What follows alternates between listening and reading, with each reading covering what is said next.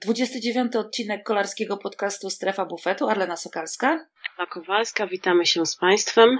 No i co? Zaczynamy od Astany chyba, nie? Jestem pod ogromnym wrażeniem tego, co robi Astana w tym roku. Wygrać e, dwa etapy w przeciągu dwóch minut, a niektórzy liczyli, że to nawet było kilkadziesiąt sekund, e, na Paryżnica i na Tirreno Adriatico, no pełen szacun. Nie, no to co oni robią w ogóle w tym roku, to jest naprawdę, jestem pełna podziwu. I też w sumie nawet sobie nie zdawałam sprawy, dopiero jak zaczęłyśmy, jak wróciłyśmy do nagrywania podcastu, to ty mi chyba uświadomiłaś, że oni mają najwięcej zwycięstw do tej pory spośród wszystkich ekip, gdzie ja bym się na przykład spodziewała, że to właśnie jakoś tam e, dekeniki będą ten system rozwalać, a tutaj proszę, Astana 19 wygranych, prą do przodu jak burza. No tak, niektórzy twierdzą, że to jest coś, co nadawałoby się na referat. Złośliwi mówią, że farmakologiczny, ale koniec żartów. Y, e, właśnie dobrze, że to ty powiedziałaś w sumie. no tak, to no bo... jest taka drużyna, w której, w przyszłości której było wszystko, tak? Tam było wszystko. Były jakieś afery dopingowe, były jakieś afery związane z pieniędzmi, z brakiem tych pieniędzy, no postaci też bardzo ciekawe zresztą przewijały się przez szeregi Astany i wcale tutaj nie myślę o twoim ukochanym Alberto. Contador jeździł w Astanie i nawet wygrywał wielkie tury, y, będąc w barwach Astany. Ale też jeździł w Astanie przecież. Tak, i, i w barwach Astany przecież wygrał Tour de France. Więc to jest drużyna, która ma za sobą masę ciekawych zwycięstw i ciekawych przypadków. Mm, I ma bardzo ciekawego szefa, czyli winokurowa. No, wino im starszy, tym lepszy. No jak wino, no. Jak Ale to wino. Zaczynamy od suchara, jest dobrze. No tak, no, o, samym, o samym winokurowie można by mnóstwo rzeczy powiedzieć e, i tych złych, i tych dobrych, bo to był bardzo utalentowany kolarz, ale jednak e, z jakimś tam bagażem, plecaczkiem farmakologicznym na plecach. E, a jednocześnie z taką. Jakimiś tam bardzo takimi nieładnymi negocjacjami na Igrzyskach Olimpijskich, nawet podobno. No ja się właśnie zastanawiałam, no pytanie, czy kiedykolwiek Rigoberto Uran lub Winokurow przyznają się do tego, czy tam doszło do jakiegoś dealu, czy nie. Może jak napiszą autobiografię, y, to prędzej chyba Winokurow się przyzna, że przekupił młodego Urana, niż Uran, że dał się przekupić. Ale nie, mnie się wydaje, że Winokurow pojechał ten wyścig po prostu jak stary lis. On miał kilka takich etapów. Y, kiedyś na Tour de France y, oszukał cały peleton to jest kolarz, który potrafił bardzo wiele. Oszukał w sensie. No tłumacz się, tłumacz, proszę. Nie no, może złe słowo. Może lepszym słowem byłoby, że wykiwał. Taki, wykiwał albo oszachował. Ach, pięknie. Albo można też powiedzieć, że rozegrał to po profesorsku. Tak, to absolutnie, to się tutaj, y, to określenie się tutaj absolutnie nadaje, bo, bo to był naprawdę profesorski wyścig, a jednocześnie no, miał te takie momenty, kiedy miał straszną kraksę właśnie na Tour de France y, i kiedy go wyciągano z rowu i miał złamaną nogę i się wydawało, że to jest y, koniec kariery, a mimo to wygrał. No też mm, Winokurow miał był jakby głównym reżyserem słynnej afery łańcuchowej na Tour de France pomiędzy Alberto Contadorem i e, Endym Szlekiem, e, bo to Winokurow pierwszy zaatakował e, Szleka, kiedy spadł mu łańcuch, a Contador tylko pojechał za nim. Byli wtedy w barwach tej samej drużyny, czyli właśnie chyba Astany. Więc no tych historii z Winokurowem w roli głównej było mnóstwo. Można by chyba cały podcast e, o Winokurowie nakręcić. A też nie Myślę, wiem, czy... nawet nie jeden. Tak, a nawet nie wiem, czy pamiętasz z ostatnich lat jedna z najbardziej zabawnych e, historii. To było to, jak pisał listy do Nibaliego. A tak, rzeczywiście, było coś takiego. Było coś takiego, to prawda. Tak, bo Nibaliemu no. wtedy nie szło i y, otrzymał od Winokurowa listy y, nie powiem z pogróżkami, ale z zaleceniem by się lepiej nie, no przykładał do treningu. To był list motywacyjny, to było tak. po prostu motywowanie pracownika, no tylko że bardziej w formie tak, oschłej. Kija, kija, nie marchewki. tak, absolutnie tak. Y, natomiast mówiąc y, zupełnie serio teraz y, o Astanie, wszystko co powiedzieliśmy wcześniej też było serio, ale teraz już tak serio, serio, a propos tego mm, sezonu, to Mm, Winokurow przepracował e, ubiegły sezon gdzieś tam w głowie. Zatrudnił dobrych kolarzy. Bo jego transfery są nad, nadwymiar e, udane. I też sobie myślę, że gdzieś cały 2017 był kompletnie nieudany, jakby wszystko się zaczęło od śmierci Skarponiego i to jakby ciążyło na tym zespole. E, w zeszłym roku było takie trochę już było lepiej, lepiej. Było odbicie. Tak, było odbicie zdecydowanie, bo oni mieli w zeszłym roku 30, 30 Według tak. tego, co według e, statystyk, bo opieramy się na statystykach Pro Cycling Stats, więc to nie jest tak, że my żeśmy same liczyły, jakbyście znaleźli jakiś błąd, tylko to Pro Cycling Stats liczyło. Tak. My żeśmy to sobie po prostu sprytnie wygenerowały. I też sobie myślę, że być może jest to też element y, strategii Winokurowa, y, polegającej na tym, że w momencie, kiedy jeszcze niektórzy się wkręcają w ten sezon, y, myślą o jakichś innych dalszych celach, to, to oni mają. i wykorzystuje to, co po prostu może wziąć z tego sezonu, tak? Tak, być może też taki był zamysł taktyczny, żeby bardzo dobrze, mocno wejść w ten sezon, żeby być przygotowanym od początku, żeby tutaj na, naszarpać i nałapać tych zwycięstw. Y, zwłaszcza, że no, tak jak mówiłyśmy, Astana ma gdzieś tam na swoim koncie wielkie wygrane w wielkich turach, natomiast chyba w tym roku Astana mimo wszystko nie ma kolarzy, którzy mogliby partycypować y, w podium wielkiego turu tak sobie, ja tak sobie myślę. Być tak, może nie, nie doceniam to, tak. zawodników. Tak. No ale patrząc na ten ich skład, to rzeczywiście bardziej bym się tutaj poszarpała o jakieś etapy, czy, czy właśnie wygrane, no tak, no etapy. Tak, no mają bardzo dobrych kolarzy na właśnie zwycięstwa etapowe. E, mają też dobrych kolarzy na to, żeby wygrywać etapówki, więc tak, myślę, że... ale niewielkie tury. Tak, ale zdecydowanie niewielkie tury. Rozliczymy ich pod koniec sezonu. Możemy ich rozliczyć. I możemy to sobie nawet zapisać, że ich rozliczymy. Ja już sobie zanotuję rozliczyć Astanę. Będzie to zapamiętane. No oczywiście ja być może lekceważę Lopeza, Miguela Angela, y, który być może jest w stanie się gdzieś wedrzeć na, na podium y, wielkiego turu, y, bo już na nim był. Natomiast w tym składzie jakby nie, nie widzę Jona i Zagirę. Natomiast jako zwycięzcę etapówki oczywiście jak najbardziej w bardzo fajnym stylu wygrał ten etap ostatni Paryż, na Paryż-Nicea. Zresztą e, on też wygrywał e, nasz narodowy tour, z tego co pamiętam. Tak, on dwa razy był chyba dwa drugi. Razy. No. Ja nawet byłam na tym Tour de Polen, kiedy on zwyciężył. To chyba było, tak, to chyba było w 2015, nie? Czy jakoś 2016. Tak, i on przyjeżdżał do Polski tutaj z wyraźnym y, zamiarem wygrania tego, tego wyścigu. Raz pamiętam, Chyba że był przegrał... drugi, że za Rafałem Majką. Tak, był, tak, tak. No właśnie. Oni go wtedy gonili bardzo intensywnie, chyba z Beniatem Inchaustim na tym etapie w Bukowinie. I potem była czasówka w Krakowie. Kończyło się to czasówką w tak. Krakowie tak. i wtedy wszyscy liczyli te sekundy, tak, czy tam. Ponieważ Izagira jest znacznie lepszym czasowcem niż Majka. Niż Rafał. To, to było pytanie, czy zdoła Majka obronić te swoje wydarte sekundy, czy, czy nie. No i zdołał obronić. Też pojechał dobrą czasówkę.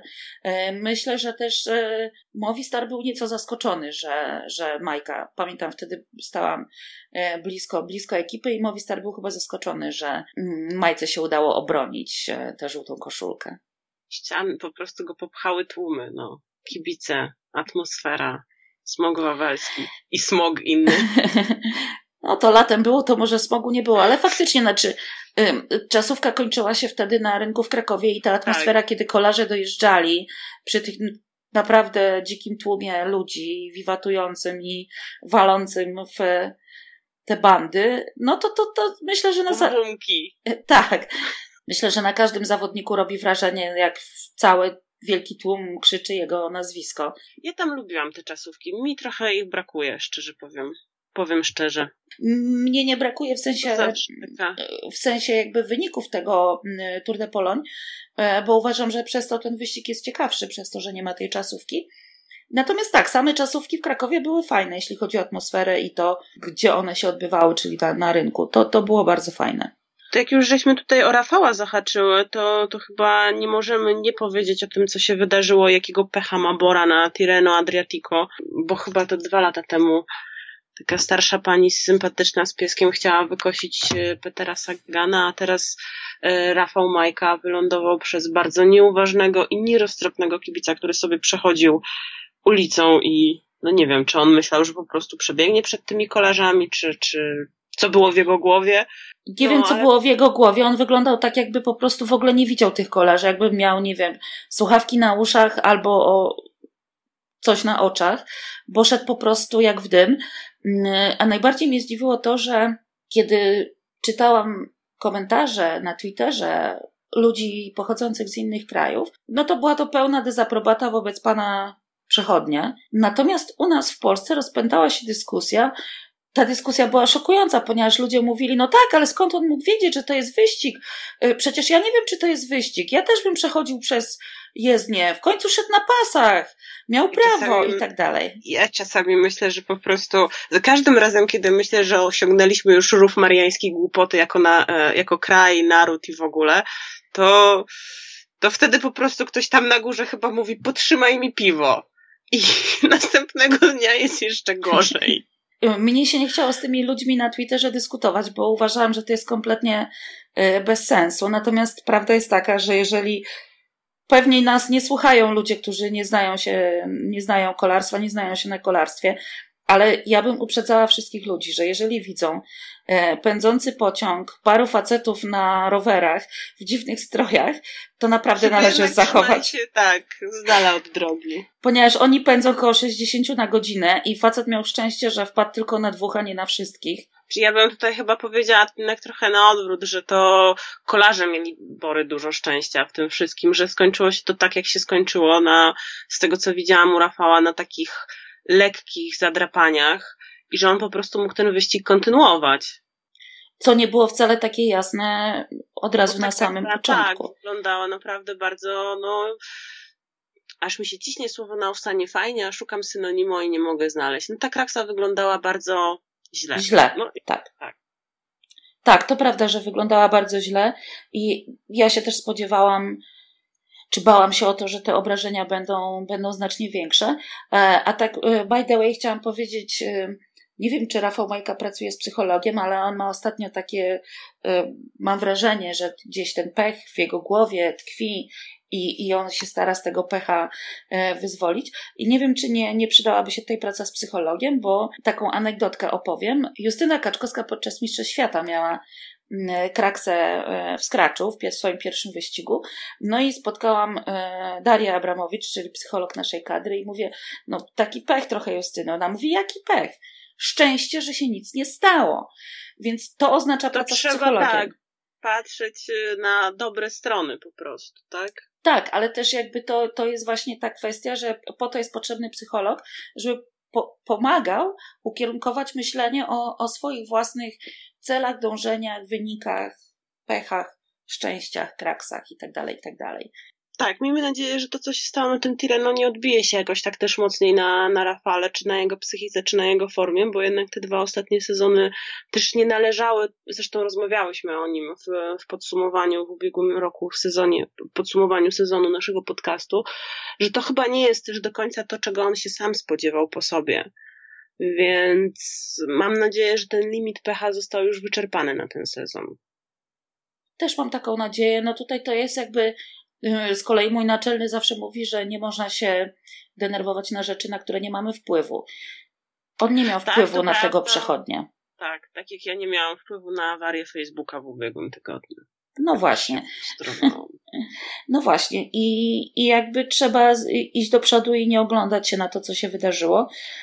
Mnie się wydaje, że Majka chyba przystąpił do Tireno w całkiem niezłej formie, bo tam na tym etapie przedwczorajszym przyjechał w miarę wysoko, e, więc e, nawet ta kraksa jakby nie spowodowała chyba tam nic poważniejszego w sensie fizycznym. No i czekamy na następny wyścig w jego wykonaniu. Dzisiaj też zresztą, w sensie w poniedziałek też ładnie pracował, tak? Tak, pracował już teraz dla kolegi, no bo cóż innego mu pozostało, dla Davide Formolo i no, oby było lepiej. Kot Frum. Dzień dobry, Frum. Frumciu, za chwilę będziemy rozmawiać o twoim kumplu Gerancie Tomasie. Co ty na to? Pomruczał. Ty na to? Pomruczał trochę. A ja bym się chciała, bo jeszcze, jeszcze zanim o Tomasie, to jak jesteśmy już przy Boże, to Arlenko droga, gdzie twoim zdaniem jest Peter Sagan? Pytanie po prostu do eksperta kolarskiego. Czy z twojego doświadczenia, czy z tego jak obserwujesz, to zawsze przychodzi e, po takich dobrych paru sezonach e, taki gorszy sezon? Czy, czy, czy, czy, czy każdy tak ma? I to jest po prostu ten gorszy czas Petera Sagana, który każdy musi przejść? Peter tak. Sagan już miewał takie załamania formy. E, najpierw po tym takim błyskotliwym debiucie tam w Tour de France, potem miał e, sezon, właściwie no, ta, półtora sezonu takich, takich trochę gorszych. E, natomiast mnie się wydaje, on chyba się z jakąś chorobą też zmaga i myślę, że to jest źródło problemu. A być może też, ja nie wiem, być może jego kłopoty rodzinne są znacznie większe niż y, mówi się publicznie, to znaczy być może on chroni swoją prywatność, może źle przepracował okres przygotowawczy. Trudno powiedzieć. To jest dopiero początek sezonu i moim zdaniem tutaj się wszystko może, może wydarzyć. Dla Sagana pewnie testem będzie Mediolan Sanremo. Mediolan Sanremo, no. Tak, i potem y, te brukowane y, klasyki. Zobaczymy, co wtedy się będzie działo. Czy to jest po prostu chwilowe załamanie dyspozycji Formy, spowodowane. Czy to jest. Tak, spowodowane na przykład jakimiś chorobami, czy, czy jakimś tam wirusem, czy po prostu źle przepracowany okres zimowy. Choć to, to na ten moment to jest trudno powiedzieć, według mnie. Ja bym też stawiała na to, że, że jednak e, coś, coś może być na rzeczy, jeśli chodzi o te jego problemy rodzinne, bo on też ma bardzo dobrych PR-owców, e, którzy, których się słucha przede wszystkim i, i też jego aktywność w social mediach e, dosyć mocno spadła. Zresztą pamiętasz, jak on ogłaszał ten swój rozwód w ubiegłym roku w trakcie Tour de France. Obiecał, że tego już więcej nie będzie komentować. No słowa dotrzymał. Natomiast to też jakby coś, coś było na rzeczy, że to akurat w takim czasie, w takim momencie momencie zostało to tak e, powiedziane. Myślę, że to był pewnego rodzaju pewnie jakiś krok wyprzedzający być może, że rzeczywiście tam coś jest na rzeczy po prostu. No ja myślę, że tak zupełnie po ludzku, no rozstania małżonków zawsze bywają trudne, zwłaszcza gdy w grę wchodzi już w tej chwili dziecko, które ma półtora roku i zaczyna coraz więcej rozumieć. Więc y, no być może taki, taki bardzo, bardzo y, prywatnie ciężki moment, a być może jest też tak, i tego nie wiemy, bo tak jak mówiłaś, e, Sagan niespecjalnie się dzieli z nami y, wszystkim, to być może jest też tak, że delikatniej wszedł w sezon niż zazwyczaj, bo może myśli o kolejnym Mistrzostwie Świata na przykład. Właśnie ta tęcza mu odebrała troszeczkę skrzydła. Znaczy brak tęczy. Brak tęczy, tak, tak, tak, dokładnie. No dobrze, to skoro cały czas kot Frum siedzi tutaj na moich kolanach i być może słyszycie jego mruczenie z radości, jak jest drapany za łóżkami i po główce, to przejdziemy do Geraint'a Tomasa, którego pech z Giro d'Italia już go dopadł po prostu na Tireno. Ja myślę, że on się powinien jednak z dala trzymać od, od wyścigów we Włoszech. Prawda, o, widzisz. Frum, Frum się aż otrzepał z wrażenia. Frum się aż otrzepał z wrażenia, tak. To na myśl chyba o Giro. Tak. Siniestre, tak? O to chodzi, tak, mądry kot. Na szczęście się Geraint posłuchał i raczej na Giro go nie zobaczymy w tym roku. No tak, bo on się wybiera na Tour de France, za to na Giro wybiera się Egan Bernal. O Eganie Bernalu to za chwilę. nie po prostu kolumbijskie. tak, ale o tym, o tym za chwilę, bo mówiłyśmy o Gerańcie i Mówiłyśmy o Gerańcie i o tym, że go pech z Giro już dopadł na Tireno Adriatico, ale teraz już jest wszystko jasne, dlaczego go ten pech dopadł, po prostu nie jedzie na Giro, to jak przyjechał na Tireno, pech się tam gdzieś kumulował i sobie do niego przyszedł po prostu. Włoski pech, y, włoski pech y, Geraint'a Tomasa. Tak. By the way, y, nie wiem, czy słyszałaś, że pojawiła się plotka, kto ma być nowym sponsorem Team Sky. No właśnie słyszałam, słyszałam. Ineos i ja sobie poczytałam nawet i to jest bardzo ciekawe, bo szefem tej firmy, właścicielem tej firmy jest jeden z najbogatszych Brytyjczyków, czyli Jim Radcliffe. Ta firma to jest ciekawe, bardzo tutaj pasuje do nowego otwarcia w przypadku kolarstwa, dlatego że nazwę tej firmy wymyślił właśnie pan Radcliffe ze swoimi synami i wzię, wzięto słowo łacińskie i słowo greckie. E, słowo łacińskie ineo, czyli zaczynać coś i EOS, czyli jutrzenka, czyli innowacyjna jutrzenka w kolarstwie. Co jest ciekawe, to pan e, Radcliffe się przeniósł do Monako, w związku A, z tym, że jest... tam zaczął jeździć.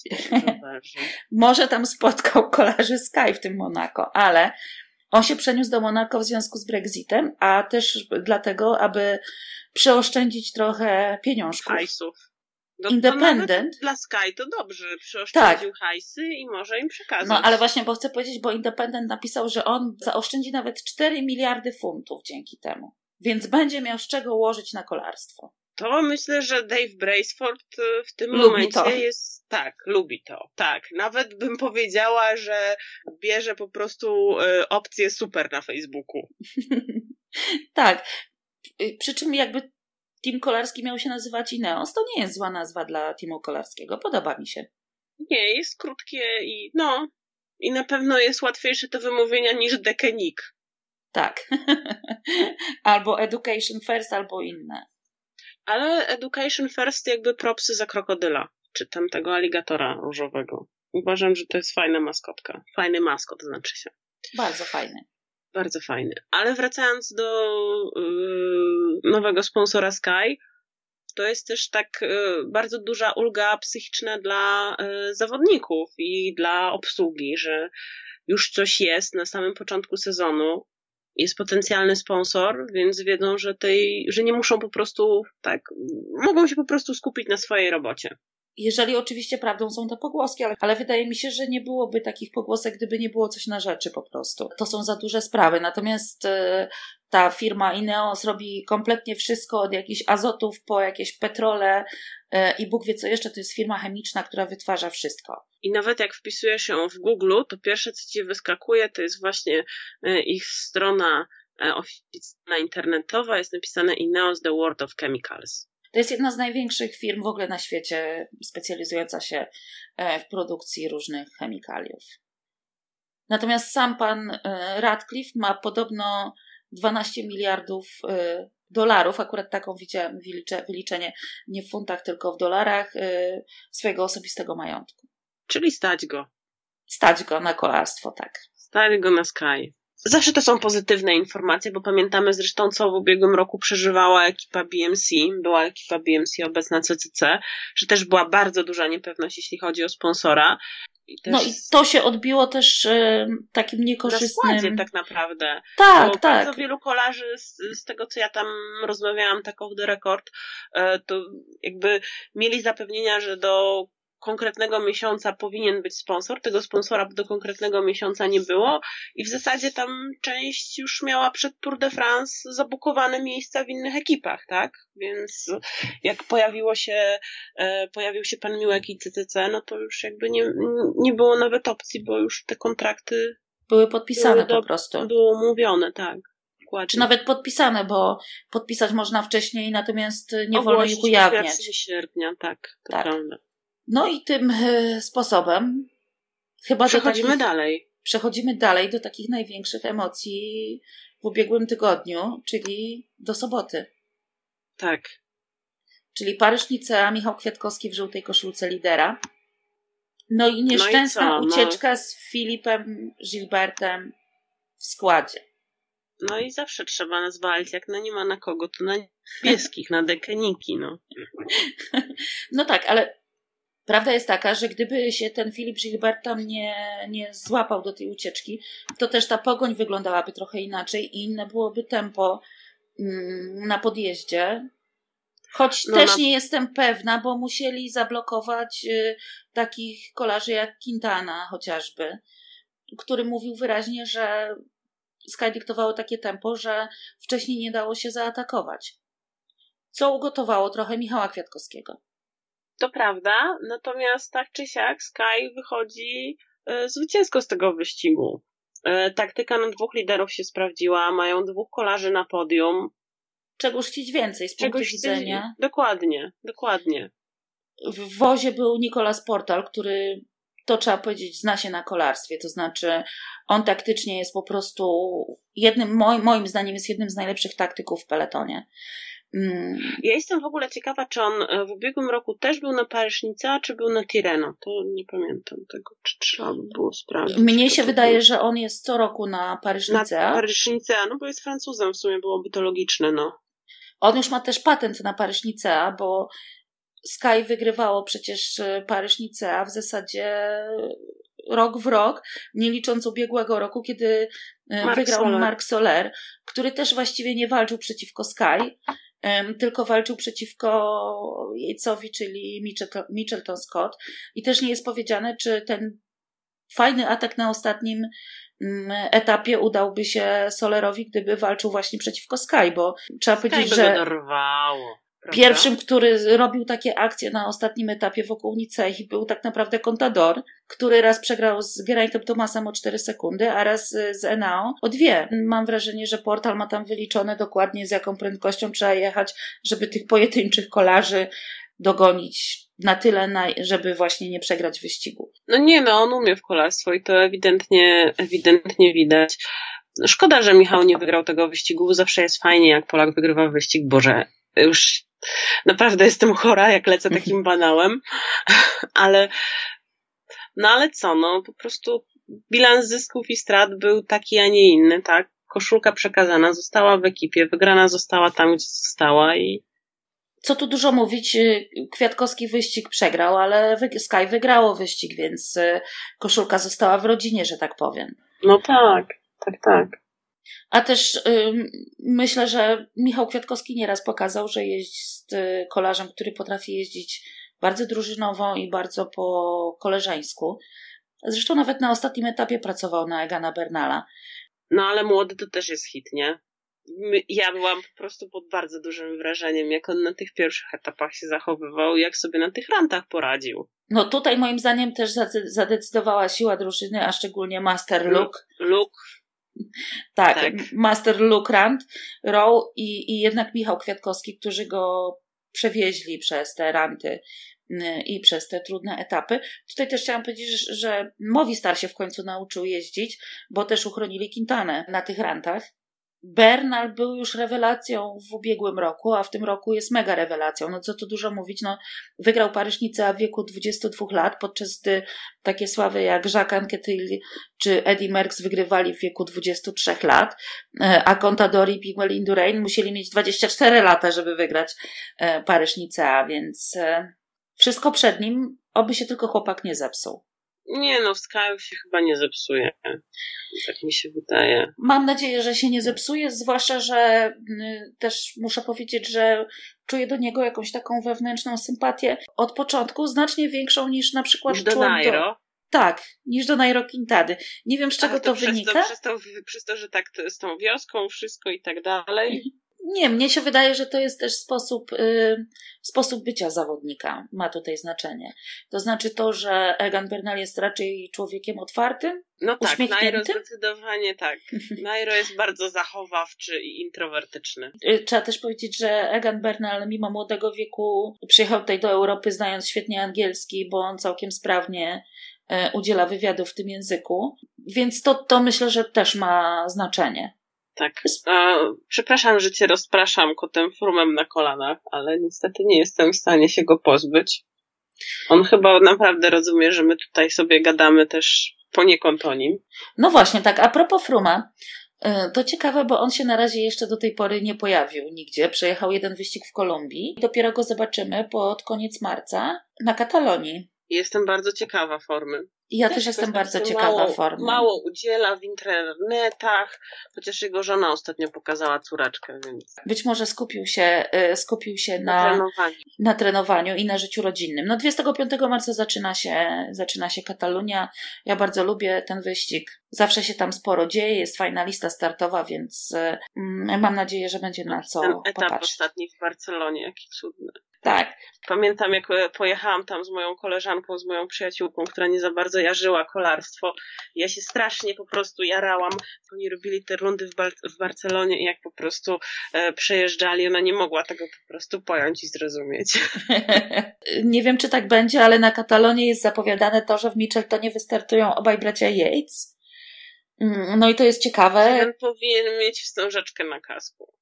Tak, albo coś na bucikach zawiązane, tak. jakąś kokardkę. Mm, albo jeden powinien się nie golić, a drugi się golić. Pytanie też ciekawe, który z nich będzie mm, liderem, o ile liderem. oczywiście wystartują obaj. Mm, no bo muszę powiedzieć, że Simon Yates zaimponował na czasówce. Czasóweczką, nie? No właśnie też chciałam powiedzieć, że obiecał, że się poprawi i się poprawił chłopiec. No on, on nigdy nie był takim bardzo, bardzo złym czasowcem. E, też jest kwestia taka, że on jechał w lepszych warunkach niż inni zawodnicy, ponieważ zajmował dalsze miejsce, startował wcześniej. Tam potem jakiś wiatr był, który przeszkadzał tym zawodnikom tam w okolicach Kwiatkowskiego wykręcać lepsze, lepsze czasy, ale tym niemniej no imponujące wygrać sędziowie, czasówkę. Sędziowie powinni odliczyć tak jak przy skokach narciarskich za wiatr. Walter Hofer powinien tam być i machać chorągiewką. E, a z drugiej strony Adam Yates e, będzie się zmagał na czasówce na Tireno we wtorek. Mm, no i jest pytanie, czy uda mu się wygrać ten wyścig z Rogliczem, który ja teoretycznie myślę, na czas jeździ lepiej. Ja cały czas jednak, bo pamiętam, że jak rozmawiałyśmy to w ubiegłym tygodniu, powiedziałam Roglicz. I też niedawno słuchałam takiego podcastu z Bradleyem Wiggisem i Adamem Blightem i oni też mówili, że y, dla nich hitem jest Roglicz, więc ja stawiam na Roglicza. Chociaż to jest 25 sekund, prawda? Z tego co pamiętam. Tak, 25 sekund, a czasówka sporo. ma 10 kilometrów. Y, zaledwie. Sporo. No, to, to może jednak nie tym razem. Na dwoje babka wróżyła. No. Y, też jednak Roglicz pokazał tutaj słabość y, na podjeździe. No i trochę jednak stracił wtedy do, do Adama Jejca. No, ciekawe rozstrzygnięcie. I dlatego ja właśnie lubię czasówki na koniec. No ja oczywiście tak, jak zawsze na czasówkach stawiam na Rohana Denisa, no bo na kogoś innego mogłabym stawiać. No, to tam Bahrajnom by się przydało, bo, bo Bahrajny to, to raczej na początku tego sezonu to raczej nie pokazują za dużo. No nie, Nibali jeszcze nie dostał żadnego listu. Jeszcze nie, od szejka. tak, od księcia, to jest książę, książę Bahrajnu. O, przepraszam, od księcia. Mógłby się zaczynać tak jak ten słynny list y, bodajże z Legii Warszawa. Dear friends, I hope you are well. Dear Vincenzo, I hope you are well. Natomiast no, Nibali jest znany z tego, że potrafi cieniować na wyścigach, a potem raptem e, wygrywa Giro d'Italia, więc wszystko przed nim i przed Giro. Zobaczymy. Pożyjemy, że zobaczymy. Czy, no i musimy jeszcze oczywiście, bo chyba się zbliżamy ku końcowi, tak myślę. I w tym momencie jeszcze e, twój ulubieniec. W ogóle mam jego bardzo ładne zdjęcia z Innsbrucku, z, z Mixzony. Muszę ci wysłać, żebyś może mogła sobie taką tapetę zrobić. Albo zrobimy z niego mema, takiego właśnie D'Artagnanowego. No właśnie miałam zap- zapytać, czy masz na myśli D'Artagnana. No, to, co zrobił na poniedziałkowym etapie Tireno Adriatico, to w zasadzie chyba tylko Łucenko zrobił coś bardziej wyjątkowego na Tireno Adriatico, kiedy wygrał etap mimo dwóch kraks. Dwóch kraks, tak. Jestem mm. bardzo ciekawa, co Elia Viviani powiedział Julienowi. Nie no, y, widziałam, że się bardzo serdecznie obściskiwali i, i y, Elia Viviani mu gratulował też Elia Viviani spadł z tego pociągu, no powiedzmy sobie szczerze, że spadł z tego, e, z tego pociągu. No i po tym, co dzisiaj zobaczyłam, to powiem szczerze, że e, Julian Alaphilippe jest dla mnie jednym z bardzo wąskiego grona faworytów na Mediolan Sanremo. No jest w gazie, no. Co, co tu dużo mówić, no jest chłopak w gazie. Bo też on zaczął bardzo dobrze sezon w Kolumbii przecież. Dobrze no. zaczął sezon w Kolumbii, Stradę Biankę, e, teraz to, co pokazał na Tireno Adriatico. No pytanie do, do kiedy, no na Mediolan Sanremo ta forma pewnie jeszcze będzie. Pytanie do kiedy mu się to utrzyma tak dobrze. Mediolan Sanremo już jest w najbliższy weekend, więc e, forma mu na pewno nie, nie, nie zgubi się. Tak, a ja tylko nieśmiało przypomnę, że Ala Filip był trzeci wtedy, kiedy wygrał Michał Kwiatkowski, bo drugi był Peter Sagan, a trzeci był właśnie wtedy tak, Julian Ala Filip. on rzeczywiście. I kiedy, kiedy Sagan zaatakował, to właśnie D'Artagnan był tym, który dospawał mm, Kwiatkowskiego do Sagana i był w oczywisty sposób w tym sprincie trzeci. Ale jeśli wygrał ze sprinterami etap sprinterski, to teraz może wygrałby również sprint. Who knows? Pokazał, że jest kolarzem, który, mo, który może zarówno zaatakować na podio i jest kolarzem, który w razie czego może finiszować, gdyby, gdyby przyszła jakaś grupka. I też może się okazać szybszy od niejednego e, zawodnika, o którym do tej pory myśleliśmy, że jest szybszy od Ala Filipa. No, ja jestem pod wrażeniem tego kolarza bo kiedy on był młodym chłopakiem wchodzącym w świat kolarstwa, e, pamiętam, że zajmował, to był chyba jego pierwszy sezon w Arturze, może drugi, e, zajmował lepsze miejsce od Michała Kwiatkowskiego w Ardenach. I wtedy, wtedy wszyscy zwrócili na niego uwagę, bo pojechał bardzo dobrze te wyścigi, w odróżnieniu od Michała Kwiatkowskiego wtedy. No i, i, i jakby był tym, który raptem w zeszłym roku zdetronizował króla Murde I, czyli Alejandro Valverde. Już się stało nudne to wygrywanie y, Alejandro, walońskiej strzały. On pokazał, że można z nim wygrać. No naprawdę jestem pod wrażeniem. No w ogóle taki, tak, tak, chłopak ideał. To ja jeszcze tylko dodam, że wielkim fanem muzyki i kiedyś na profilach e, Dekenika można było podziwiać jego umiejętności, jak grał na perkusji i też taka ciekawostka, jeśli chodzi o jego jego miejsce zamieszkania, bo on mieszka niedaleko miejscowości rodzinnej e, Rogera Walkowiaka i, i w młodości spotkał nawet zwycięzcę Tour de France z 1956 roku. No i podobnie jak tam Sztybar, to on bardzo lubił cyclocross jako młody chłopak. Właśnie był bardziej taki przełajowy, BMX-owy. Może dzięki też temu się. Też przez przypadek do kolarstwa, bo raczej właśnie z, z, z tego, co o nim czytałam, to właśnie bardziej te takie e, crossowe, przełajowe, ale kumpel mu powiedział, a weź wpadnij. Na szosę. Trening, na szosę. Wpadnij na szosę. No i tak wpadł, no. A ja przez przypadek zobaczyłam, że w rodzinnym rodzinne miasto D'Artagnana, czyli to Saint-Amand-Montro, jest miastem partnerskim Otwocka. Brawo, Otwock. Brawo, Otwock. Ojej. Brawo wy. Także mamy już związki Juliana Ala Filipa z Otwockiem. Polską i już wiemy, dlaczego ten Alaf Polak tak. wnikł na socialach. Rozwiązałyśmy tę zagadkę. Wszystko przez Otwock. Wszystko przez Otwock. No dobrze, to jak już jesteśmy w Otwocku, czyli w kraju, to opowiedz jak tam nasz e, krajowy zespół, czyli CCC Development Team, bo były sukcesy. Były sukcesy były sukcesy. E, skończył się w niedzielę Istrian Spring Trophy. To był taki wyścig składający się z prologu i trzech etapów. I tam mieliśmy drugie miejsce w generalce. Nasz Węgier Attila Walter. To już jego kolejny zresztą sukces w tym sezonie, bo miał trzecie miejsce w GC na Tour of Antalya. E, wygrał pierwszy etap e, tego chorwackiego wyścigu w, w piątek, no a w niedzielę drugie miejsce na podium w generalce i też fajnie, miło, e, bo ekipa została, wygrała klasyfikację drużynową. Wśród 29 drużyn, ja wiem, że ta klasyfikacja drużynowa jest zawsze gdzieś tam troszeczkę przez niektórych no, pomijana po prostu, ale na 29 ekip to myślę, że, że jest się czym pochwalić. Jak sobie nawet tak rozmawiamy, to czujemy i widzimy, że Attila to jest chłopak z potencjałem po prostu. No tak, ja się nawet zastanawiam, e, bo Piotr Wadecki wspominał o tym, że e, dwóch zawodników e, z CCC Development w najbliższym czasie ma trafić do World Touru na staże, czy tam już potem jako pełnoprawni zawodnicy. I nie wiem, czy właśnie Attila nie będzie wśród nich, bo naprawdę widzę, że ten chłopak ma potencjał. No, ale jeśli chodzi jeszcze o Attile, to rzeczywiście bardzo mocno skoncentrowany na kolarstwie. On tym kolarstwem żyje od no, praktycznie non-stop, tak? On jest zawsze po prostu świetnie przygotowany, e, doskonale ma przeanalizowane te trasy etapów, jest mocno skoncentrowany, bardzo też dba o regenerację. E, zresztą z tego co wiem, to jego mama e, właśnie jest, jest rehabilitantką, ona go, ona się nim zajmuje właśnie jako fizjoterapeutka, jako masażystka, jak on jest w domu na Węgrzech. Też go uczyła anatomii, bo dla niego też jest ważne to, żeby po prostu wiedzieć, jak jego ciało funkcjonuje i i jak ta cała machina po prostu wygląda w, w kolarstwie. Zresztą jego wielkim idolem też jest Alejandro Valverde. O, czyli kolaż bardzo wszechstronny. No, e, Attila też wygląda na wszechstronnego e, zawodnika. Powiedz już, czy mówi coś po polsku? Mówi po polsku.